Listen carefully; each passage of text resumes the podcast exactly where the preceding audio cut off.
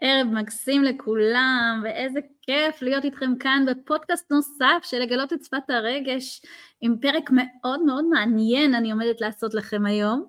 המדענית שגילתה את האור, כן כן, אני הולכת להביא מדענית אמיתית, תלמידה מדהימה שלי בשנה וחצי האחרונות, ואנחנו נדבר על הגילוי שלה, איך היא חיברה בין המדע לתודעה, ואיך היא עשתה את כל החיבור דרך הצ'אט הטלסקופ, ואנחנו כבר נתחיל, אז מוזמנים לעשות לייק ופתיח, ואנחנו מתחילים. הבאים לפודקאסט לגלות את שפת הרגש עם גלית מבית הפודקאסט מביא את ההתייחסות לעולם הרגש בשיטת אלכימיה רגשית, מתוך נקודת מבט יישומית פרקטית, איך לומדים להרגיש מבלי לסבול, וכיצד היכרות עם שפת הרגש יכולה לשפר את חיינו ולהוביל אותנו למימוש מתוך תשוקה. אני גלית בר יוסף, מיילדת קוסמית לשליחים ומורת דרך לגילוי והגשמת השליחות, מייסדת המכללה האלכימית ומפתחת שיטת אלכימיה רגשית לשינוי תודעתי וליווי רגשי אלכימאית, מתקשרת ומרפאה בקול. כיף גדול שאתם איתי ושתהיה לכם האזנה נעימה.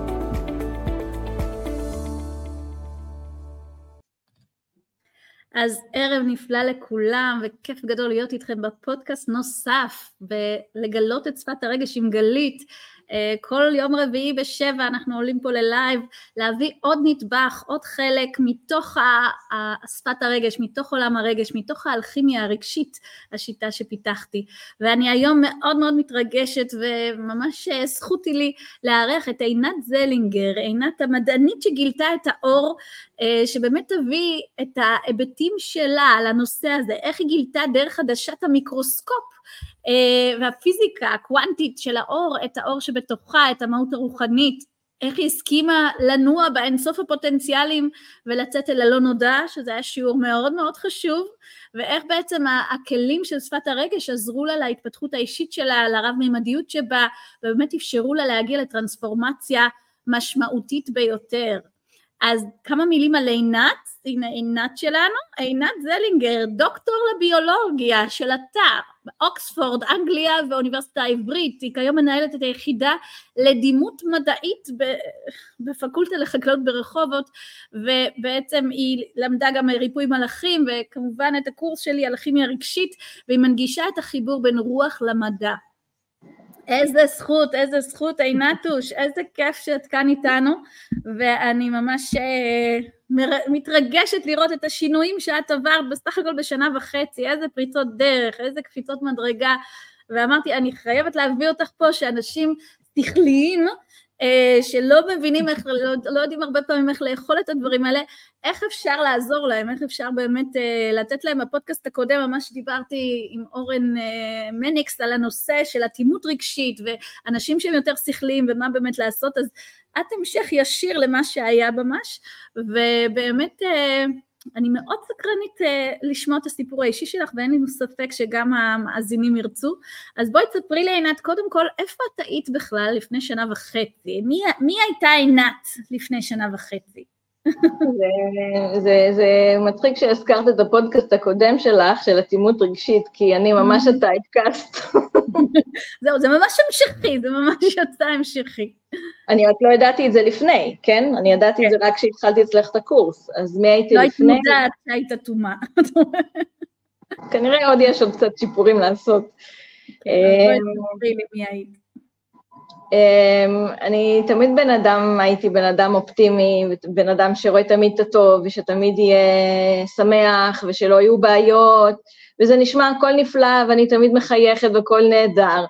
רק שאני ב... הבנתי, זה כאילו מש, משתלב, אני לא הכי זוכרת איך הייתי לפני, אני לא כל כך יכולה להגיד, כי מי שאני... זה היה גלגול קודם, כאילו, נכון? זה כאילו כן, אני לא, אני לא. לא זוכרת משהו אחר, אבל מה שכן, אה, הנושא הזה של להיות אופטימי ולראות רק את הטוב, ורק, זה בעצם אה, מה שנקרא דפוס המרצה. להיות ילדה טובה, ולעשות מה שאומרים, ושלא יריבו, ולוותר על עצמי כדי שיהיה בסדר, אה, לעזור לכל מי שצריך, אה, אז אני הייתי שם במקום הזה, וזה הביא אותי לדברים אה, גם טובים, כי מבחינתי זה היה נהדר, שאוהבים אותי, וככה יאהבו אותי, ואני, ו- ו- ועשיתי הכל שיאהבו אותי. אה, ו- ומה שהבנתי גם תוך כדי התהליכים שעשיתי אצלך בקורס, שמי הכי סובל מזה? הבעל שלי. למה? הבעל האהוב שלי, הבעל האהוב שלי שאני מאוד אוהבת, למה? כי הוא אוהב אותי. זה מובן מאליו, אז שם לא צריך להתאמץ. Mm-hmm. צריך להתאמץ במקומות אחרים. אז בעצם היום אני משתדלת לפצות על זה שלא כל כך... אה, גם שם... לקחת מובן מאליו. אני צריכה לעשות פעולות, ולקחת מובן מאליו, אז... אה, ונושא נוסף, אה, נושא נוסף זה באמת האטימות הרגשית, שלא ידעתי שהייתה לי כזאת. אני תמיד שמחה ותמיד טוב לי ותמיד אני אה, הכל נהדר ונפלא, ו- ואם יש משהו לא טוב שקורה, אני נמצאת בו בערך רבע שנייה, mm-hmm. וזהו, עבר, נקסט. מספיק. Uh, וזה גרם לכך שהחיות שלי תמיד היו אומרות לי, מה, את לא זוכרת בילדות שהיה ככה וככה, ו- וכל מיני דברים שקרו, אמרתי להם, לא, אני לא זוכרת בכלל. Mm-hmm. וכשהתחלתי אצלך את הקורס, אז אמרתי, אוקיי, אני סקרנית לגלות מה, מה יש שם שאני לא רציתי לזכור. וברוך השם, עלו, עלו דברים. עלו, עלו דברים. אחר כך נדבר, באמת, תתני לנו דוגמית או משהו, אבל מה לגבי שחרור שליטה? איך היית מגדירה את עצמך מבחינת השליטה בחיים שלך, כן. הצורך להבין, לדעת, אה, לתכנן את הדברים אה, מראש? אז הכל כמובן מתוכנן, הכל, uh, הכל חייב להיות בשליטה, הכל זה דרך ההיגיון, דרך השכל, um, ואני חייבת להגיד שגם uh, בראייה של היום, של אחרי, זה לא ש... זה לא שכאילו היה את השכל, ואז היה את הרוח, וזה פשוט, הבנתי שזה ביחד הכל. אז גם היום, אני, um, בעצם מה שחיפשתי עם, ה, עם המדע, עם השכל, זה לא כזה רע, כמו שמנסים להגיד שזה רק השכל, אני פשוט מצאתי בתחום הרוח את החוקיות. לא, ברגע שיש חוקיות, חוקיות ארץ, עוד כל מיני סוגים של חוקיות, אז הכל בסדר, זה מסתדר יפה מאוד. זה לא סותר. זה משתלב, את מצאת את הפתרונות במדע, היה לך כל מיני שיעורים שקיבלת. אני עדיין בשכל. אבל, אה, אבל זה בעצם אה, נשזר לו הכל ביחד. אה. אז המשכתי להיות בשכל, אני עדיין ככה, אבל אני, בוא נגיד, זה פחות הנוקשות הזאת של... אמ, זה להיות גמישים גם, למשל במדע, אז יש נגיד תיאוריות מסוימות שככה דברים עובדים, ו, ותמיד כשהיו לאורך ההיסטוריה יוצאות איזה שהן תיאוריות חדשות, אז תמיד היו אומרים להם משמיצים, ואומרים שזה שטויות, ו, והיום mm-hmm. אני פשוט פתוחה, כל דבר יכול להתקבל, גם אם מישהו מוצא איזשהו בניסוי תוצאה שהיא בכלל לא הגיונית, למה לפסול? אולי זו תיאוריה חדשה, אז זה כן הרחיב לי מאוד את, אה, את, אה, את נקודת המבט, כן, את גמישות המוח. כן, מקסים. איזה יופי, איזה יופי.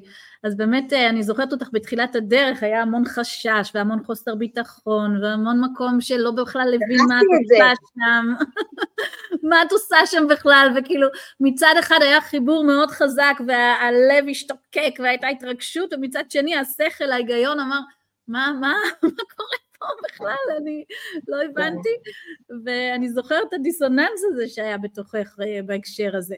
אה, אז זה מדהים.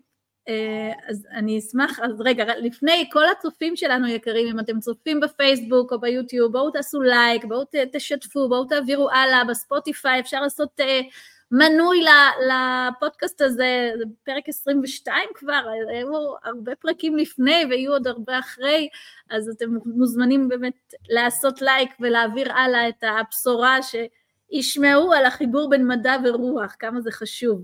אז בואי, את זוכרת מה התחיל את התהליך? איך, איך נחשפת בכלל לשיטה, אליי, לכל הנושא? כן. מה, מה בעצם עזר לך להתחיל עם זה?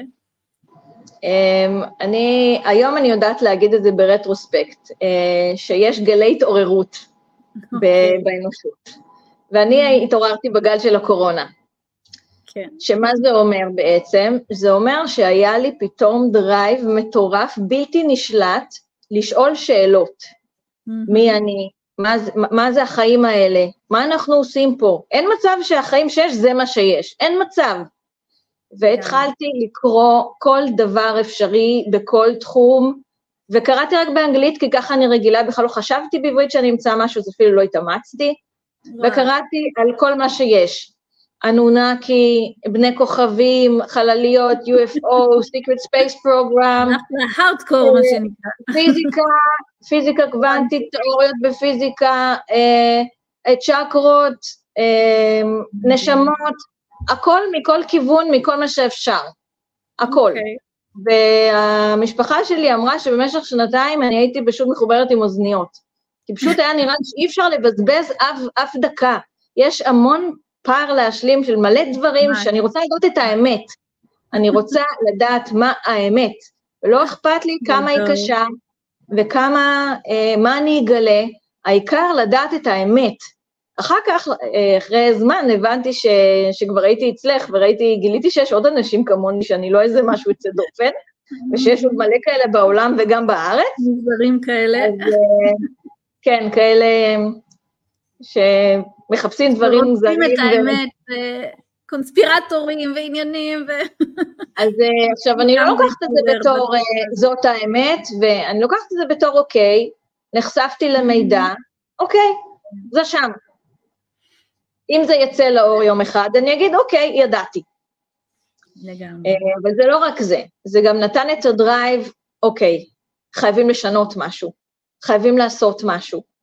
ותחושה של שליחות מאוד מאוד מאוד גדולה למשהו גדול ממני. מה זה? לא יודעת. למה הכוונה? אין לי מושג. אבל תחושה ממש ממש מבעבעת של יש איזה משהו גדול ממני ש, ש, שאני אהיה חלק ממנו, שכל המידע הזה שאני, שאני קוראת, הוא נחוץ לי. גם בלי להבין למה. למה. לגמרי. ופשוט... זאת ידיעה פנימית, ש, ש, שאת כן. יודעת את זה, את עוד לא מבינה בשכל, בהיגיון מה זה אומר ומה המשמעות, אבל משהו בפנים יודע שאני חייבת לזוז, אני חייבת להתקדם, כן. אני חייבת לעשות השלמה של הידע באמת, אני צריכה להיפתח לעוד מקומות ולעוד כן. יכולות, ומשהו זועק בנשמה, אני קוראת לזה, זה הזעקה הפנימית הזאת שלא רוצה לוותר לנו יותר. אז okay. אוקיי. התחום עצמו של תחום הרוח זה לא זר לי לגמרי. יש לי אחות מטפלת גוף נפש, ואחות אחרת שהיא אומנית ומטפלת בשיטת התדר, אז הייתי mm-hmm. ליד זה, שמעתי, זה לא שלא הייתי בכלל כן. קשורה, אבל זה לא היה חלק מהחיים שלי, זה לא משהו שהתעמקתי כן. בו, חשבתי שצריך לתת לו איזושהי תשומת לב מיוחדת. ומכל החיפושים שלי כנראה אה, עלה אצלי בפיד אה, איזשהו, כנראה אחד מהשיעורים שאת עושה בימי רביעי, ופשוט הקשבתי ואמרתי, אמ, בעצם מכל הדברים שקראתי, התפתחה לי בראש איזושהי מין תיאוריה כזאת של מי אנחנו, מאיפה באנו, איך זה החיים פה עם הנשמות, ומה קורה לפני, יש ועדה, אנחנו מחליטים מי נפגוש, מין, מין תיאוריה כזאת שבניתי לעצמי. והנה אני מקשיבה, ומישהי מדברת, ומדברת את המילים מהראש שלי. מה, מה, מה זה? מה, היא מדברת את התיאוריה שאני בניתי לבד, מהמחקר שאני עשיתי, מה זה? מי זאת האישה הזאת? איזה גדול. אה, והקשבתי עד הסוף, כולל איזה קורס שכנראה שיווקת שם, אה, אה, כמה זה יעלה להם, ולא יכולתי להפסיק להקשיב. לא משנה שזה לא היה רלוונטי, החלק הזה באותו רגע. אוקיי, אחר כך התקשרה אליי יפית אושה חמודה, שהיא מהצוות שלך, ואני נבהלתי. אמרתי, מה? מה? מי, מי זה מתקשר אליי? מה קרה? עכשיו, אני לא, לא, אני, שוב, אני לא עשיתי שום דבר uh, בתחום הזה כבר, uh, למדתי ריפוי של מלאכים אצל מרגלית זוהר אילון, זה היה, שגרתי אז בראשון, חיפשתי משהו ליד הבית כזה מגניב, למדתי, זה אוקיי. כנראה פתח לי את העולם לפני בערך 20 שנה, וזהו. אז בוא, בואי נמקד, מה בעצם גרם לך להתחיל להיכנס לעניין של הרגש, של התחום הזה, של ה... מה שגרם לי, אחרי שיפית הצליחה לרתום אותי ככה, ב... שאני לא אתחרט, הרגשתי מה שנקרא לימים, שלא היה לי מילים לזה, אבל לימים מה שנקרא קריאה, קריאה פנימית. משהו בי אמר שאני חייבת לעשות את זה, חייבת. מדהים. חייבת את זה. ו... ואז פשוט נרשמתי לכל מה שהיה אפשר באותו רגע, כי אמרתי, אם אני לא אעשה את זה בפעם אחת, אני אתחרט.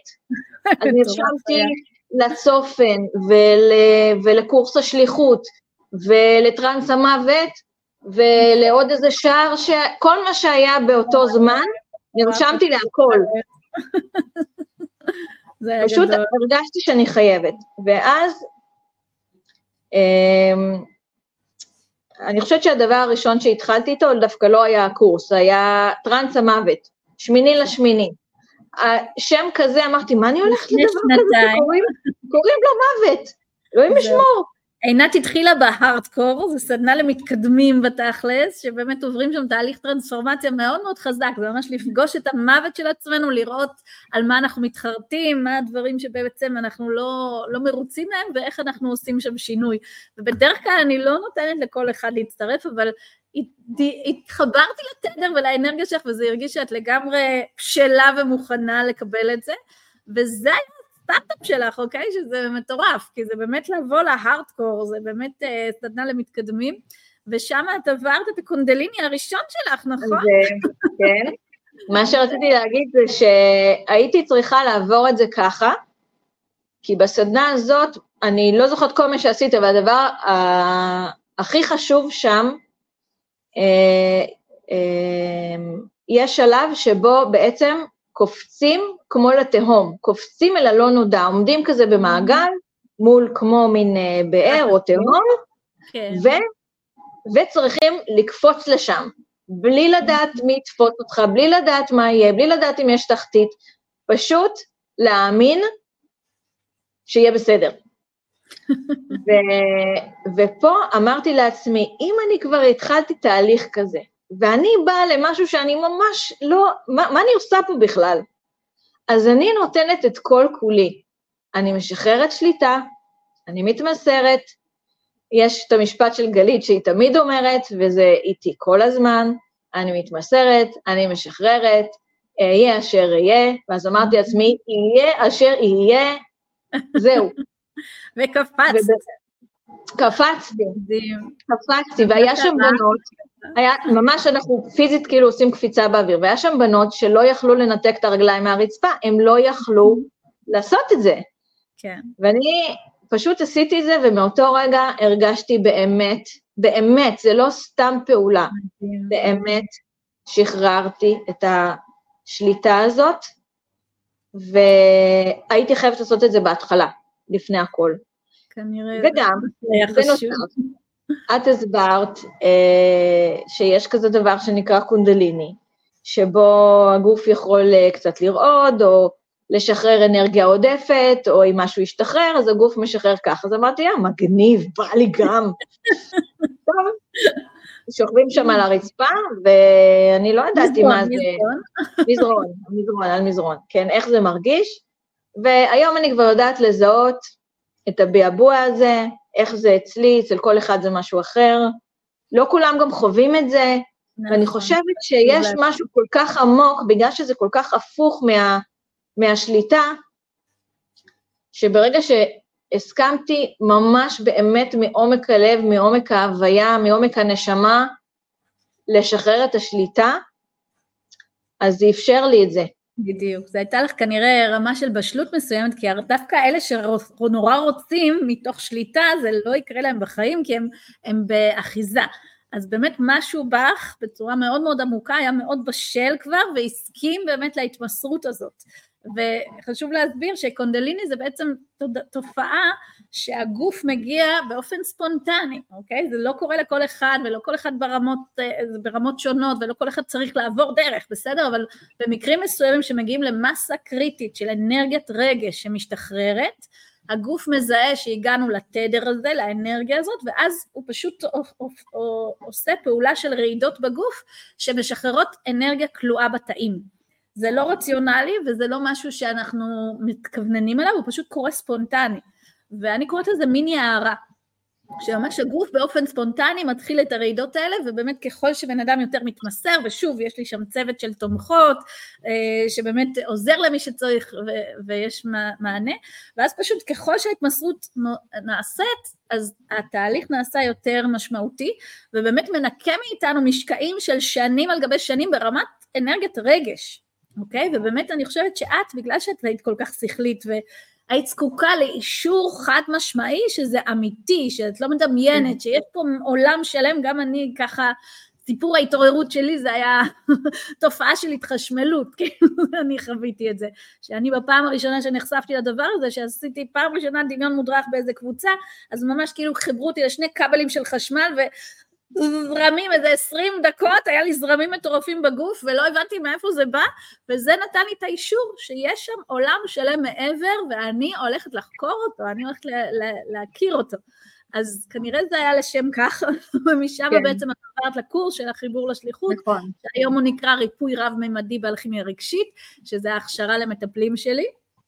ובאמת נכון. התהליך של הקפיצה לתהום בתכל'ס זה תהליך מהקורס המתקדם של המאסטר, שעינת תעשה אותו בהקדם, במרץ אנחנו הולכים לעשות אותו, שוב, שזה השלב המתקדם, ש... התהליך הזה הוא תהליך כל כך מכונן, מכיוון שזה בעצם לראות את הלופ שאנחנו נמצאים בחיים שלנו, את הלופ שאנחנו חיים אותו ברמה הרגשית, שאנחנו משחזרים אותו כל פעם עוד פעם ועוד פעם ועוד פעם, וזה נגיד חוויה של עצב ועלבון וכאב וקושי ובושה ועוד פעם ייאוש, ואז עוד פעם אני חוזרת ועוד פעם אני חוזרת, והאופטימיות למשל שעינת דיברה עליה, והשכחה הזאת, תכף נדבר על זה, זה מנגנוני הגנה שבעצם לא באמת נותנים לנו להיכנס שם לחוויה ולריפוי. אז הלופ בעצם משחזר את עצמו וממגנט אליי עוד ועוד מצבים מהסוג הזה, שאני מהדהד את התדר הזה, תדר הרגשי, עוד אנשים שבאים ו- ומנסים לעזור לי לגדול ממנו, מנסים לעזור לי לצאת ממנו, ועד שאני לא אסכים למות לזה, וזה הקפיצה לתהום. הקפיצה לתהום מייצגת מצב שבו אני אומרת די. אני לא מוכנה יותר להמשיך את הלופ הזה בחיים שלי, אני לא מרוצה ממנו, אני מבינה כמה הוא תוקע, כמה הוא חוסם, כמה הוא גורם לי להיות כזאת קטנה ולהימנע מלנוע ולהגיע לשלב הבא, ואני קופצת לתהום, אהיה אשר אהיה, כמו שאמרנו, לאוסף האינסופי של הפוטנציאלים שהיקום מבקש להראות לי, mm-hmm. מקום חדש, אוקיי? כי כל עוד אנחנו ממשיכים לפעול מהמקום האוטומט הישן של הילדה הפגועה, הפצועה, ששוב, לא תמיד נזכור את זה ברציונל, אבל התת מודע שלנו, הגוף שלנו, החוויות הרגשיות טבועות בתוך התאים שלנו, ועד שהריפוי לא נוצר אנחנו לא יכולים. אז ההתמסרות שלך, הקפיצה לתהום, אפשרה באמת את החיבור הזה, ומאז בעצם את מתרגלת את החוויה הזאת. כן, כן, כנראה. אז איך זה מתחבר לפיזיקה הקוונטית? דיברת אחר כך שהאוסף כן. האינסופי של הפוטנציאלים שהיקום מביא זה פיזיקה נכון. קוונטית. איך זה מתחבר? לנו את המדע. נכון, אז אה, בעצם חוץ מאשר ההתעוררות בקורונה, אני גם אה, בדיוק התחלתי ללמד קורס במיקרוסקופיה לסטודנטים, ובמסגרת, אה, במה שאני עושה, אני עוסקת במיקרוסקופיה, חלק מזה זה מיקרוסקופיית אור, כדי להסביר לסטודנטים, מתעסקים קצת בפיזיקה של האור. Uh, עכשיו, מה שאני מצאתי, מה שאני גיליתי, שכשאני מלמדת כל מיני מושגים בתחום האור, uh, הבנתי מכל החקירות שלי שאני אומרת, רגע, יש לזה משמעות בכלל אחרת, אם, אם, אם מישהו היה מקשיב להרצאה שלי מהמדע, הוא היה מקבל מידע אחד, ואם מישהו היה מקשיב לזה מתחום הרוח, הוא היה מבין משהו לגמרי אחר. אז כשאני מדברת על, על תדר, אז במיקרוסקופיה תדר זה הצבע, זה אורך גל שבו אני מאירה את התאים לצורך העניין. Mm-hmm. בתחום הרוח זה יבינו משהו לגמרי אחר. אם אני מדברת על, uh, על קיול המיקרוסקופ, כי הכל צריך להיות באליינמנט והכל צריך לשבת ישר כדי שהקרן תעבור, אז פה אנחנו נדבר על הצ'קרות ועל האיזון ועל הקיול שלנו. כל דבר, כל דבר נראה לי, כל מילה שאני מוציאה מהפה, אני פתאום קולטת, רגע, זה, זה, זה, זה גם הדבר בעולם השני. אני מתעסקת עם, אה, עם גרידים, גרידים, שמים עליהם, זה רשת ששמים עליהם אה, דוגמה ומסתכלים.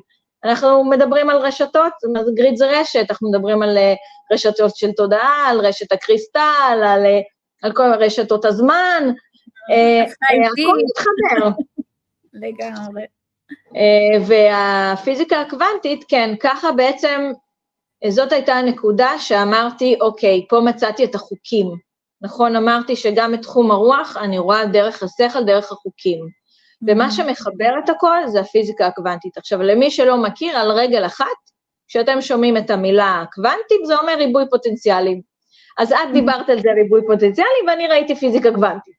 אמ, אמ, אז מבחינת, אה, מבחינת האור, האור הוא בעצם חלקיק, פוטונים, חלקיק שהוא חומר, והוא מוקף בשדה אלקטרומגנטי, שזה אנרגיה. אז mm. אור מגלם בתוכו גם חומר וגם אנרגיה. Uh, ואם אתם יכולים לדמיין חלקיק שיש סביבו שדה, זאת אומרת שהוא יכול להיות בכל מקום בשדה. אז רגע לפני שמשהו קורה, משהו מתרחש, החלקיק יכול להיות בכל מקום בשדה, יש לו אינסוף אפשרויות.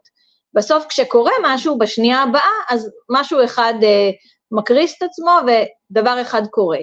ואז אמרתי, אני אפילו מלמדת את זה לסטודנטים, זה משהו mm-hmm. שאני החלטתי שכשאני כבר התעוררתי, נגיד, כשאני מלמדת ואני אמרתי עם ההדרכות שלי, יש מילות קוד, שכשאני mm-hmm. אגיד אותם זה יעורר אצל הסטודנטים אה, את מה שזה צריך לעורר, וככה זה יהיה השליחות שלי, ככה אני אגיע לאנשים, בתת מודע. אז כשאני אומרת, אז כשאני אומרת אה, ריבוי פוטנציאלים לחלקיק, אני פה ספציפית, ממש גם אני אומרת להם שאני אני, אה, לקחתי את זה לחיים שלי, ואני אומרת להם שבכל שלב בחיים שלהם, גם אם הם נמצאים במצב הכי גרוע והם אומרים, אין, זה גורל, אין מה לעשות, אבוד, תמיד יש אין סוף אפשרויות, תמיד יש אפשרות לקחת צעד לכיוון אחר. ופה התחילה ההבנה שלי של כל מה שאני רואה במדע, אה, אפשר ליישם אותו ברוח, וגם הפוך. דברים שאנחנו לומדים ברוח, אנחנו יכולים ליישם אותם גם, גם בחומר. היום כבר זה הופך להיות, כל אחד גם יכול לעשות את זה. אה, אצלי זה היה ברור כי, אני אתן דוגמה, כאילו, אצלי זה היה ברור כי אני מתעסקת בפוטונים של אור, אז זה ממש העניין. אבל כן. למשל, אתה במטבח מקלף גזר, אז אתה מקלף שכבות, אז זה כמו ירידה בשכבות הרגש, אתה מקלף שכבות, יורד עוד ועוד. אמ, אתה אה, מנקה את הבית, אז אתה מנקה מחשבות טורדניות, אה, דבר, מחשבות שסתם רצות, כל דבר אפשר להשליך אותו, כי, כי הכל הוא בעצם מין טורוס כזה, אני רואה את זה אה, בעיניים המדעיות שלי כמו סינוס, שמה זה אומר? יש לו יש לו חלק גבוה ויש לו חלק נמוך. זה בעצם חלק מה, מהשדה הטורוס, כמו בייגלה כזה. כן. גם למעלה, גם למטה, בו זמנית כל הזמן. אמ, וזה בעצם נקודת מבט, זה נקודת מבט על החיים, שמאפשרת לך לראות את החיים בצורה הרבה יותר הרמונית. ובצורה... איפה את השתמשת בזה בחיים שלך? זוכרת אפשרות כזאת? מה, מה אה, שינה לך כן. בהסתכלות שלך על כן, החיים? כן, זה, זה הסתכלות, זה כמו הסתכלות על, על, על טוב ורע. אה, למשל, אני אתן דוגמה ואז אני, זה יהיה מאוד ברור מה, איך זה לחיים. למשל, השמש. השמש יכולה להיות אה, מחממת, מצמיחה, ויכולה להיות גם שורפת. אז איפה אני בחיים שלי? כשיש, קורה לי משהו שהוא לא הכי טוב, אה, מישהו צעק עליי, או קרה איזה אסון, חס וחלילה, חס וחלילה, כמו שיש היום במדינה שלנו, mm-hmm. מה שקרה לנו.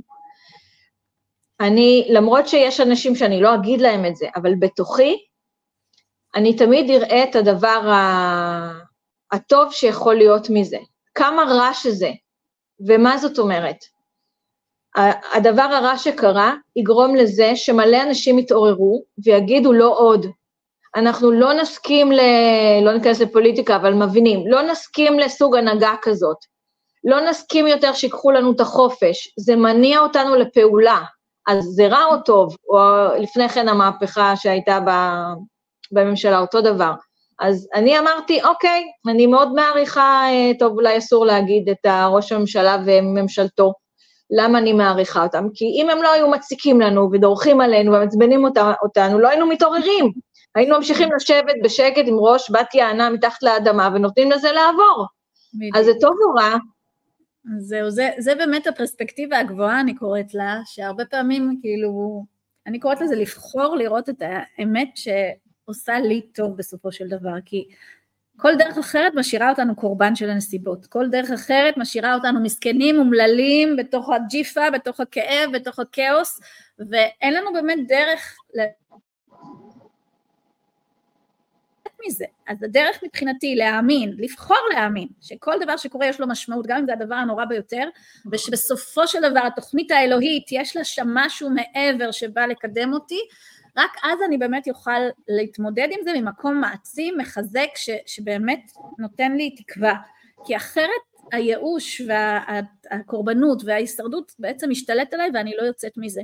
וזה נקודת מבט מאוד מאוד חשובה, ומבחינתי הרבה מאוד מהבוגרים באמת, מהבוגרים שעברו את הקורס ואת כל התהליך, זה הנקודת מבט שבעצם נותנת להם את הכוח להתמודד עם המקרים הכל כך קשים שאנחנו, עם הטלטלות הקשות שאנחנו עוברות, עוברים כרגע, זה קריטי, כי אם לנו לא יהיה את העוגן הזה, אם אנחנו לא יהיה לנו את הנקודת מבט הזאת ולא נבחר לראות את הדברים מהנקודה הזאת, אז זה די סיוט לחיות ככה, אם זה הפחדים או הרמה הקיומית, ההישרדותית, הפחד הכי בסיסי כרגע, שככל שאני חיה בפחד אני לא באמת אוכל להתנהל פה ממקום חיובי. אז הנקודת נכון. מבט הזאת היא מאוד מאוד חשובה. אז. אני רוצה רגע לחזור רגע לנושא הרגשי, שנייה. חכי שנייה, לפני זה אני רוצה עוד משהו להגיד שהוא חשוב, שהתקופה הזאת אה, לימדה אותנו גם על ה... העניין שאנחנו לא באמת בשליטה. יש לנו אי ודאות, אנחנו לא באמת בשליטה, והמצב הזה מלמד אותנו ש, שאנחנו יכולים להתנהל בתוך החוסר שליטה. מה זאת אומרת? שאנחנו לוקחים אחריות. אנחנו לא מאשימים, אנחנו לוקחים אחריות, וזה גם שיעורים שלמדתי בחיים. אני קוראת לזה שמהרגע שנכנס וירוס הכתר, אוקיי, הקורונה, העולם כולו כרגע עובר שיעור של שחרור שליטה קולקטיבי.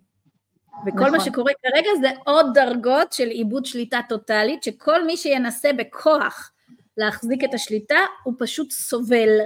והשיעור הזה של ללמוד לשחרר שליטה, ללמוד להתמסר, ללמוד באמת לתת איזושהי אמונה מסוימת, את דיברת על ההדרכות בכזאת צורה טבעית, כאילו מי כן, היה לא מאמין, מדברת על זה בעבר כמדענית, ההדרכות, כן, ברור, חברים שלי.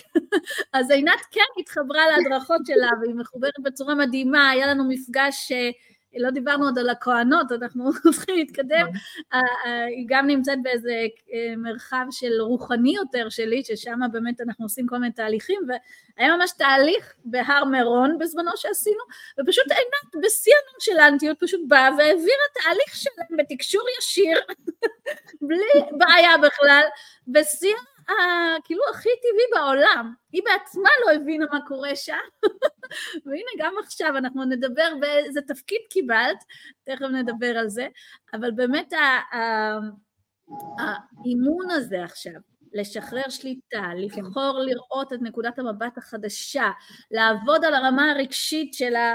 הפאניקה, של הפחד של הילדה, של החוסר אונים, של הפחד מלאבד שליטה ולתת לזה מענה, זה נותן לנו עוגנים כל כך משמעותיים עכשיו בתקופה הנוכחית, שבלי זה זה פשוט סיוט לחיות. אז מבחינתי התהליכים האלה מהסוג הזה של ה... גם הקורס אה, של ההכשרה למטפלים, מי כן. שרוצה, וגם יש כל מיני אפשרויות נוספות, אפשר פשוט את המכינה, יש את המכינה לאלכימיה רגשית, שזה פשוט קורס וירטואלי שעומד בפני עצמו, עכשיו ב-50% הנחה, ששם מקבלים את כל הבסיס הזה, אוקיי? אני קוראת לזה מסע נשמות.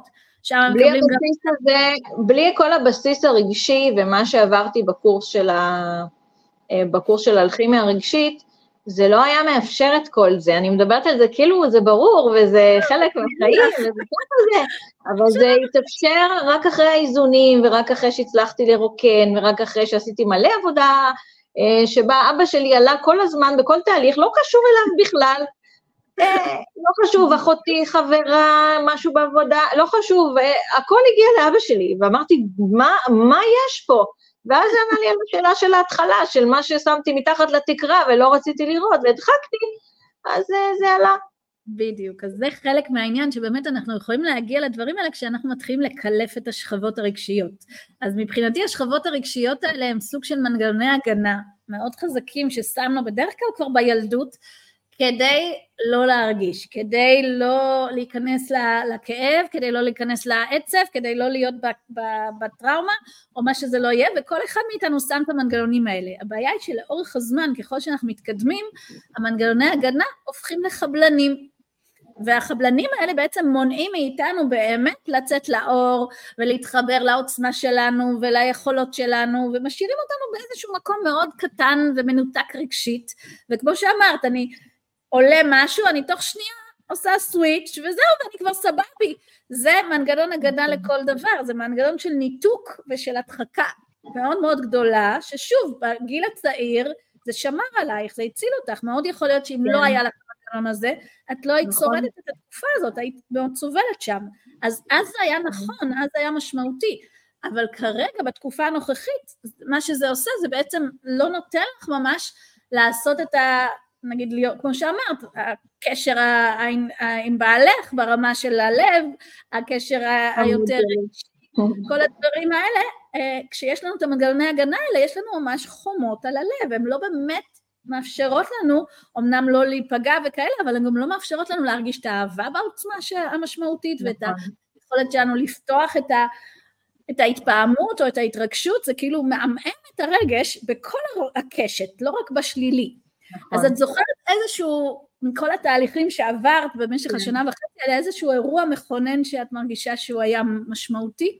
יש שני דברים, שזה בהמשך בדיוק למה שעכשיו אמרת. אחד מהם, הזכרתי את אבא שלי. אז נכון, הוא הביא אותי, הסיטואציות איתו הביאו אותי ל, ל, להתמודדויות מסוימות. עכשיו, זה לא משנה בדיוק מה הוא עשה או העניינים, אלא עצם העניין שהייתי צריכה לעמוד מול רגש מסוים, או מה שאני בתור ילדה הרגשתי, זה לא משנה, יכול להיות שהוא אפילו בכלל לא התכוון, והוא בכלל לא רצה שאני ארגיש ככה, אבל ככה אני הרגשתי. אז מה שלמדתי עם התהליכים האלה, שהיה לי מאוד קשה, מאוד מאוד מאוד קשה, זה הסליחה. ללמוד לסלוח, וגם לעצמי, שזה עוד יותר קשה, במיוחד אם עשיתי משהו שפוגע במישהו אחר, אבל מול אבא שלי זה סליחה ו... ו... והבנה. הסליחה הזאת הרבה פעמים, אחר כך גם זה חזר עם מטופלים, בסטאז' יש מטופלים, ויש יש לי מטופלת מחוננת אחת שעוד uh, ממשיכה איתי. Mm-hmm. זה בעצם, זה גם מתקשר למה שאמרתי קודם, שמצאתי את החוקיות. יש. שיש חוקים אוניברסליים, וזה קשור לזה גם. אחד מהחוקים אוניברסליים, כמו שיש אקסיומה במתמטיקה, שזה אומר משהו שאי אפשר להוכיח, זה פשוט ככה זה. אז אחד מהדברים שככה זה, וזה עוזר גם בתהליכי הסליחה הרבה פעמים, זה הסכם הנשמות. למה יש את זה? זה ככה זה. זה נתון. אקסיומה, כן. אפשר לבחור להאמין, אני תמיד אומרת, אפשר לבחור להאמין. אני בחרתי להאמין אוקיי. שזאת אמת. כי זה עשה לי טוב, כי בזכות זה אני, אני יכולה לסלוח, בזכות זה אני יכולה לעזור לעצמי ולאחרים, כן. אז אני בוחרת להאמין שזה אקסיומה. זה נכון. התגלית שלי גם הייתה. אני חושבת שזה אחד הדברים שבלעדיהם אי אפשר לעשות שום תהליך עומק רגשי, אי אפשר, זה לא אפשרי. זה הנקודה החשובה ביותר שבבסיסה עובד הכל. כי אם אנחנו באנו לכאן, אנחנו מבינים שגם אם קורה לנו משהו נוראי פה, אבל באיזשהו מקום אנחנו מבינים שחתמנו, ובחרנו כדי ללמוד שיעור, ואנחנו מבינים את השיעור, ומתוך השיעור אנחנו לומדים גם, אוקיי, איך אני בחיים שלי אפעל עכשיו אחרת אם אלחץ לי הכפתור הזה. מה אני אעשה שונה? יש לנו תהליך כזה של הטמעת העתיד. אנחנו אומרים, אוקיי, זה יקרה שוב, איך אני אגיב, מה אני אעשה, מה אני אגיד, אה, אה, איך יהיה הגוף שלי, איך אני ארגיש בפנים. וזה, וזה הדבר החשוב ביותר שלמדתי. אז מול אבא שלי אני עשיתי משהו שלא האמנתי בכלל שיכול יהיה להיות קיים, שאני לא הייתי איתו בקשר אה, איזה שנתיים, בגלל איזושהי סיבה, ופשוט לא היה אכפת לי מה אנשים אחרים במשפחה יגידו, אני פשוט החלטתי שאני נוסעת לשם, ואני מדברת איתו, וואו. ואני אומרת לו, לא מתוך מקום של אה, הילדה הקטנה המרצה, ולא מתוך פחד, אין לי, זה נעלם. נעלמו לי הרגשות האלו. הם, הם כאילו הבנתי. כעס או האשמה? מדהים. תראי, לא יכולתי לסלוח במאה אחוז, כי בכל זאת יש פה בעולם החומרי שלנו עניינים. כן, כן. אבל ברמה הגבוהה סלחתי במאה אחוז. אני מבינה את השיעור. אני מבינה גם את השיעורים שלו, אבל זה שלו. כן. אם הוא יבחר אה, לעשות משהו, זה שלו. אבל אני למדתי את השיעורים, ומבחינתי, אני רואה אותו אחרת. איזה שחרור, איזה שחרור. מאוד, מאוד גדול. קודם כל, מי שלא מבין או לא לקח לגמרי יכול להסכים עם זה, איך לסלוח למישהו שעשה לנו רע או דברים כאלה, אז אני תמיד אומרת שמה האופציה האחרת, אוקיי? אם אני לא סולחת, אז מה, אני אמשיך כל החיים להיות קורבן? שכל החיים אני אמשיך לכעוס ולנטור טינה ולהרגיש את האשמה ולהרגיש את הכעס ואת האנרגיות הקשות האלה, בסופו של דבר כשאני חווה אותם בתוכי, זה הרעילות הרגשית שאני מרגישה, נכון. אוקיי? אני לא זוכרת מי אמר את זה, שכאילו לא לסלוח לאחר זה כמו לבלוע כוס רעל ולצפות נכון. שהאחר ימות. כן, נכון. זה לא, זה לא משפיע עליו כהוא זה על האחר, זה לא מזיז לו. עצם זה שאני בוחרת לסחוב את האנרגיות הקשות האלה בתוכי, אני מרעילה אותי, זה המקור והשורש למחלות הכי גדולות שיש. ובטח נכון. ובטח לסרטן, אוקיי? כשאנחנו ממשיכים לנטור טינה ולעשות את הדברים האלה. עכשיו חשוב להבין שכשאנחנו מעורבבים מדי רגשית ומשהו שם מאוד כואב ומאוד קשה לבד, זה כמעט בלתי אפשרי להגיע לרמה כזאת של סליחה, אוקיי? זה לא משהו שאפשר לעשות אותו לבד. צריך מישהו אובייקטיבי שיבוא, שילווה אותך, שיעיר לך את המקומות האלה, שיעזור לך גם לנקות ולשחרר, אוקיי?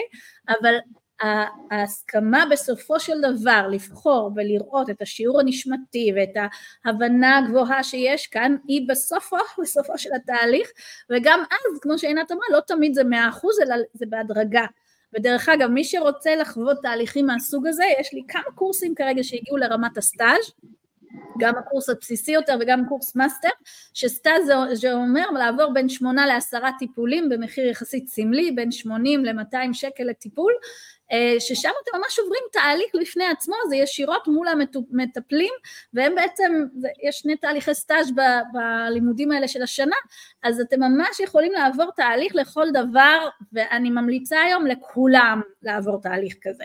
אז מי שרוצה, תרשמו לי כאן, אני רוצה להשתתף בסטאז', אני אשלח לכם, יש שאלון שאפשר אה, להירשם וייצרו איתכם קשר, כי מבחינתי בזה שאתם מסכימים לעשות תהליך אה, עומק רגשי על עצמכם, אתם מוציאים את עצמכם לחופשי.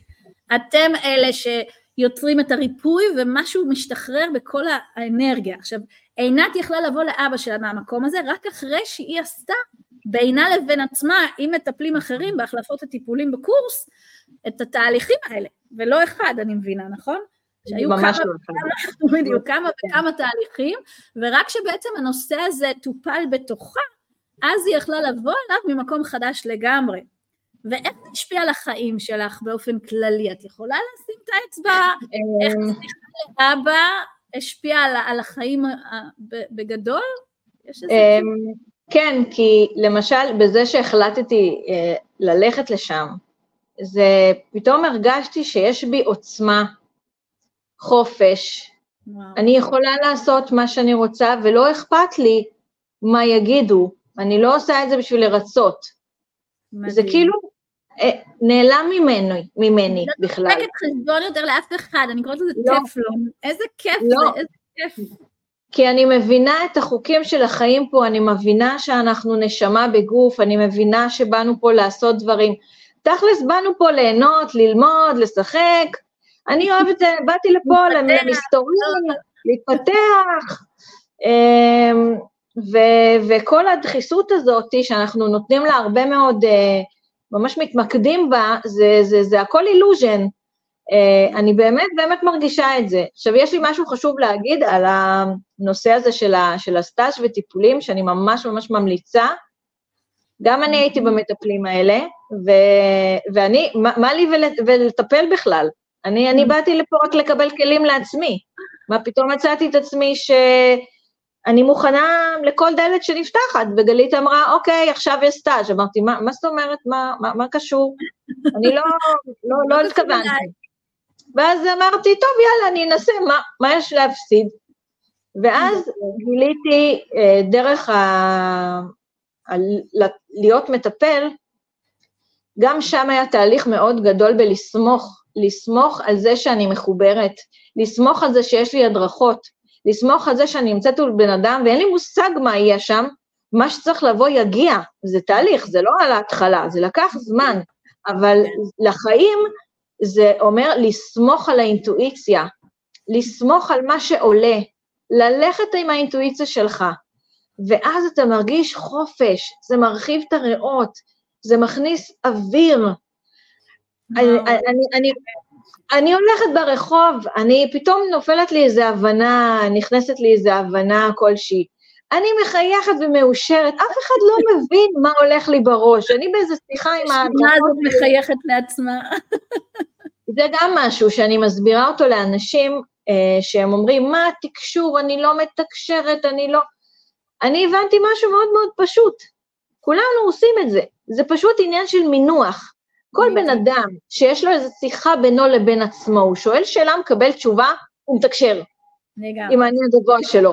מה זה משנה אם זה אני גבוה, הדרכה, משהו? הפסקתי לשאול את השאלות האלה, אני פשוט מאמינה לכל מה שנכנס שם, וככל שאני מאמינה יותר, נכנסים דברים הרבה יותר מדויקים. זה מדהים. וזה נתן לי ביטחון. פה, עכשיו אני יכולה להגיד לך, עכשיו אני שמה לב. לפני שנה וחצי לא הייתי יכולה לדבר בביטחון כזה כמו שמדברת עכשיו. עכשיו אני מרגישה את הביטחון שלי שיוצא ממני. בדיוק, בדיוק. או בכלל, לעמוד מול... שהגיעה, כמו ילדה מבוישת. זה הייתה, כשהגיעה פעם ראשונה לטרנס המוות, זה הייתה כמו ילדה מבוישת בחנות אה, ממתקים, לא סתם. כאילו מתלהבת מכל דבר, אבל לא באמת יודעת מי היא. ועינת עברה בשנה וחצי הזאת כזאת טרנספורמציה עוצמתית מתוך ההתמסרות שלה, מתוך ההסכמה שלה לקפוץ למים, אוקיי? מה ששמעתם עכשיו, הסטאז' בעצם אני תמיד מאוד מאוד ממליצה לעשות אותו גם למי שלא חשב להיות מטפל, כי אנחנו מגלים שם כאלה איכויות שאין לנו שום דרך אחרת לגלות בתוכנו כשאנחנו מטפלים במישהו אחר. וזה פשוט עוד העצמה וחיזוק מאוד משמעותיים ליכולות שלנו ולגילוי העצמי שלנו שבשום פורמט אחר לא יבואו לידי ביטוי. וזה עוזר לנו לגדל את העמוד שדרה, את התוקף, את הנוכחות, ומשהו שם באמת יכול לצאת לעולם ממקום אחר לגמרי, ולהביא את התוקף שלך, את החיבור של הרוח והחומר עכשיו במה שאת עושה, להמשיך את השליחות שלך, וממש אנחנו לקראת הסוף, אז בואי בכמה מילים דברי על הכוהנות ומה זה נתן לך, כן. ואני רוצה שנזכיר את, ה, את הקטע של האלכימאים לסיום, כן. ובזה בסדר. אז זה הכל, אה, יש לי איזו דוגמה לתת שקשורה ל, ל, באמת אה, לטיפול, אבל זה הטיפול, הטיפול שאני עושה היום, הוא, הוא כבר אה, מעבר לפרוטוקולים שאנחנו לומדים לעשות בקורס. Mm-hmm. ואת זה אני משייכת הרבה מאוד לכהנות. שהכהנות מבחינתי זה, זה כמו חקירה רב-ממדית. זה להתחבר לרבדים... משהו מקביל שנקרא קורס אלכימיה יישומית במרחב אלכימיה ברקע. נגיע, נגיע. זה בעצם ההמשך של הכוהנות, כאילו היום זה פחות נכון. הכוהנות, זה יותר, זה האפשרות הזאת כרגע. אז מה שבעצם אה, שם למדתי לעשות, ושם התחברתי מיד, שם, שם מצאתי את הבית, שם מצאתי משפחה, שם מצאתי, באתי פעם ראשונה ואמרתי, וואו, יש פה, זה בעשרות, יש המון אנשים והם כולם מדברים את ה... רואים דרקונים וישויות, ומקבלים חזיונות. בנות ים. כן, ואני חשבתי פעם, זה סתם שטויות בדמיון שלי, ו- וכן, הכל מתקיים, גם, ה- גם המדע וגם זה, זה הכל בסדר, הכל מתקיים יפה מאוד בכל מיני רבדים. אני מסבירה את זה לפעמים כמו אם אתה לוקח, אה, נגיד, אה, בניין עם קומות, אתה חותך אותו ומסתכל בפנים, אז בקומה הראשונה אה, יש אה, עיקר, ובקומה השנייה יש אה, מלך, ובקומה השלישית יש קוסם, והכל זה גלגולים שלנו, רבדים שלנו, שהם בו זמנית מתקיימים, הכל מתקיים בו זמנית, הכל ביחד. והאפשרות, האפשרות להיפתח למחקר, בכלל זה מחקר, מה שאנחנו עושים שם, אז אני אמרת מחקר, אני שם. חקירה אלכימית, זה, זה מחקר אלכימי לגמרי. כן, אז כל הדבר הזה פתח לי מאוד את הראייה. אני מאלה שלא יודעת איך קוראים לזה, יודעת, רואה, רואה, מבחינתי זה סרט. אני רואה סרטים. אז בטיפולים זה מאוד מאוד עוזר. הרבה פעמים מטופלת אומרת, אוקיי, אני לא רוצה לדבר, אני רוצה להיות בשקט ואת תגידי לי מה שאת רואה. כי זה פשוט לוקח אותם למסע, ואת, ה, ואת ההבנות עושים אחר כך. אז אני רוצה באמת אה, לשתף, וזה גם מראה על ה... יוביל אותנו לאלכימיה היישומית.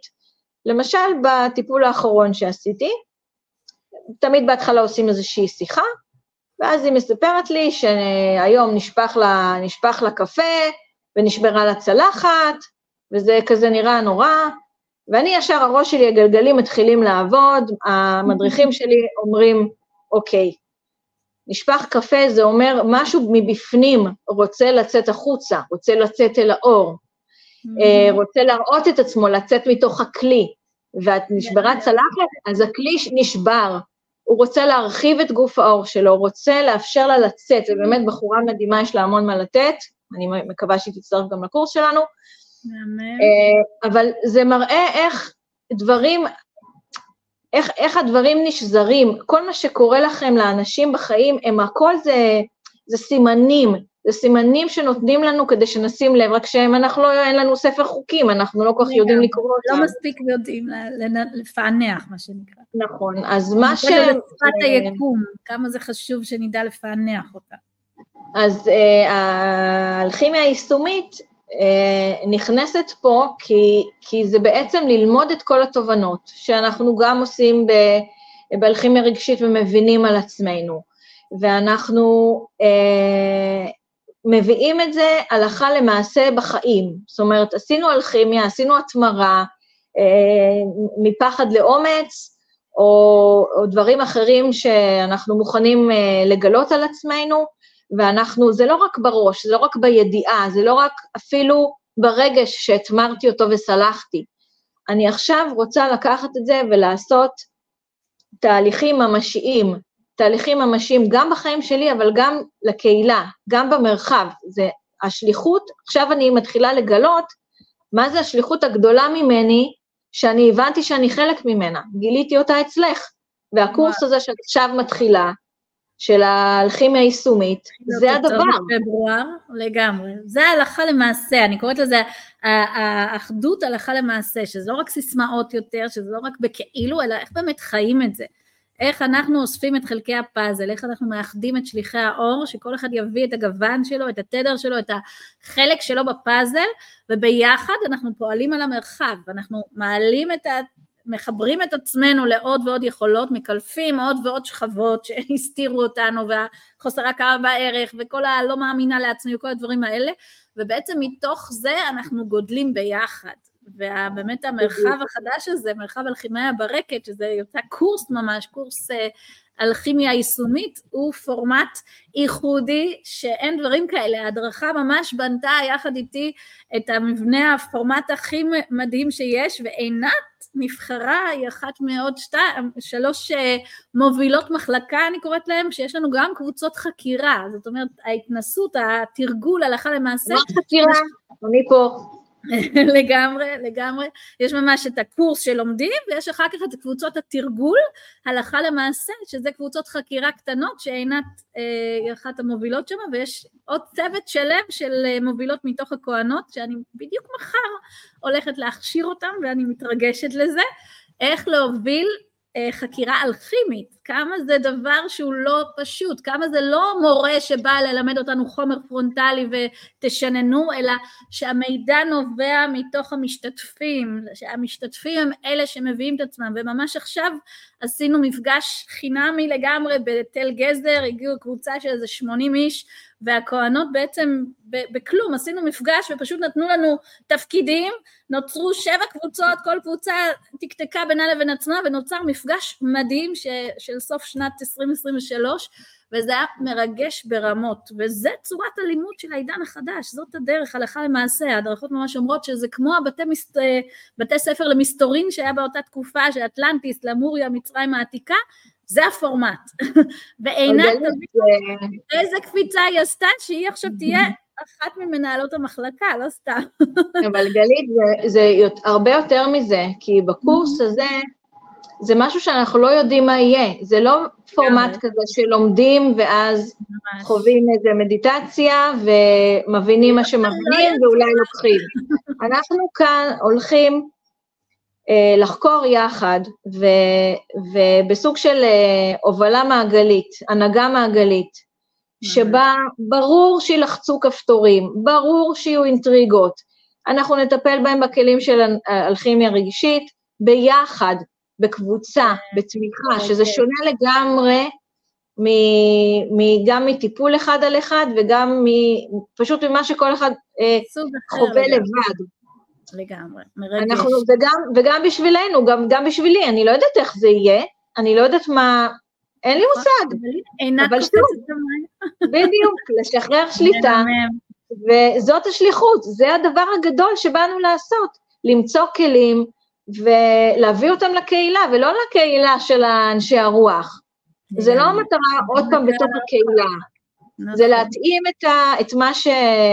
את מה שנמצא ואת מה שנעלה, את הכלים שנעלה, לכל מיני אנשים ברמות התעוררות שונות, משום דבר לכאלה שהם כבר נפתחו והתעוררו בגל השני של מה שקרה פה, בטוח זה עורר גל שני, וכאלה מנוסים יותר, וילדים ומבוגרים. אוקיי, מדהים.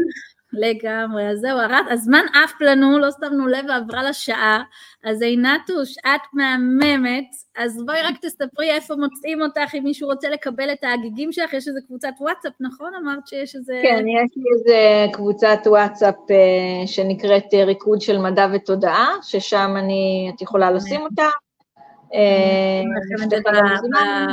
בתגובות שם, אנחנו עושים לכם את זה בתגובות, כן. גם תוכלו לקבל מעינת מידעים של מדע ותודעה. ויש כן. לך משהו להגיד לסיום, לסיכום, כקלוז'ר? אמ, אני אוהבת אותך. אה, אני גם.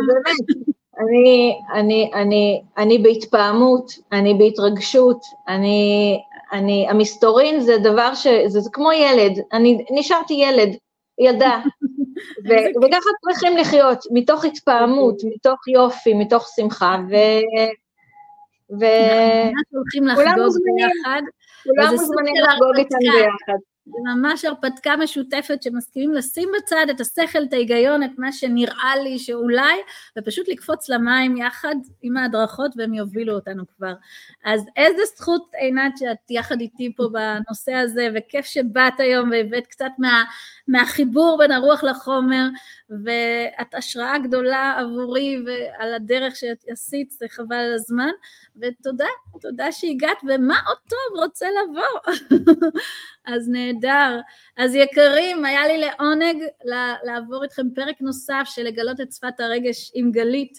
אה, אנחנו, אני מאוד אשמח שתרשמו לנו שאלות, ואם אתם רוצים, אה, אני אשים לכם פה את הפעילויות השונות במכללה האלכימית, אה, שיש גם, עוד מעט, אוטוטו מתחיל המכינה לאלכימיה רגשית, שזה מטפלים יותר, שרוצים באמת להכשיר את עצמם לעבודת עומק רגשית, יכולים להתחיל את המכינה, ומי שרוצה יותר את האלכימיה היישומית ולהתפתח יותר בכיוון הרוחני והתודעתי, מוזמן להצטרף גם לזה, ממש אוטוטו מתחילים, אז פשוט תרשמו אני ואני אשלח לכם את הפרטים, ובואו נראה איך אנחנו מביאים את המתנה שלנו לעולם במקום עוצמתי יותר. אז שיהיה לכולנו ערב שקט ורגוע, ומה עוד טוב באמת רוצה לבוא. להתראות. האזנתם לפודקאסט לגלות את שפת הרגש עם גלית. מוזמנים להצטרף לקבוצת הוואטסאפ השקטה, שם אני שולחת את כל הדברים הכי עדכניים, את העדכונים, את המידעים, את המתנות, ויש לכם פה בתיאור גם את כל הפעילויות של המכללה האלכימית, שתראו מה יכול להתאים לכם, איך אתם יכולים לעבור את הטרנספורמציה ששמעתם עליה בפרק. אפשר גם להירשם לשיחת דיוק אישית עם אחת המנטוריות במכללה ולראות מה מתאים לכם. אם התחברתם למה שדיברנו כאן, למה שהיה, אני אשמח שתגיבו, שתתייחסו, אפשר להעביר את זה הלאה, ומחכה לפגוש אתכם בפרקים הבאים. אז מה עוד טוב רוצה לבוא? להתראות יקרים.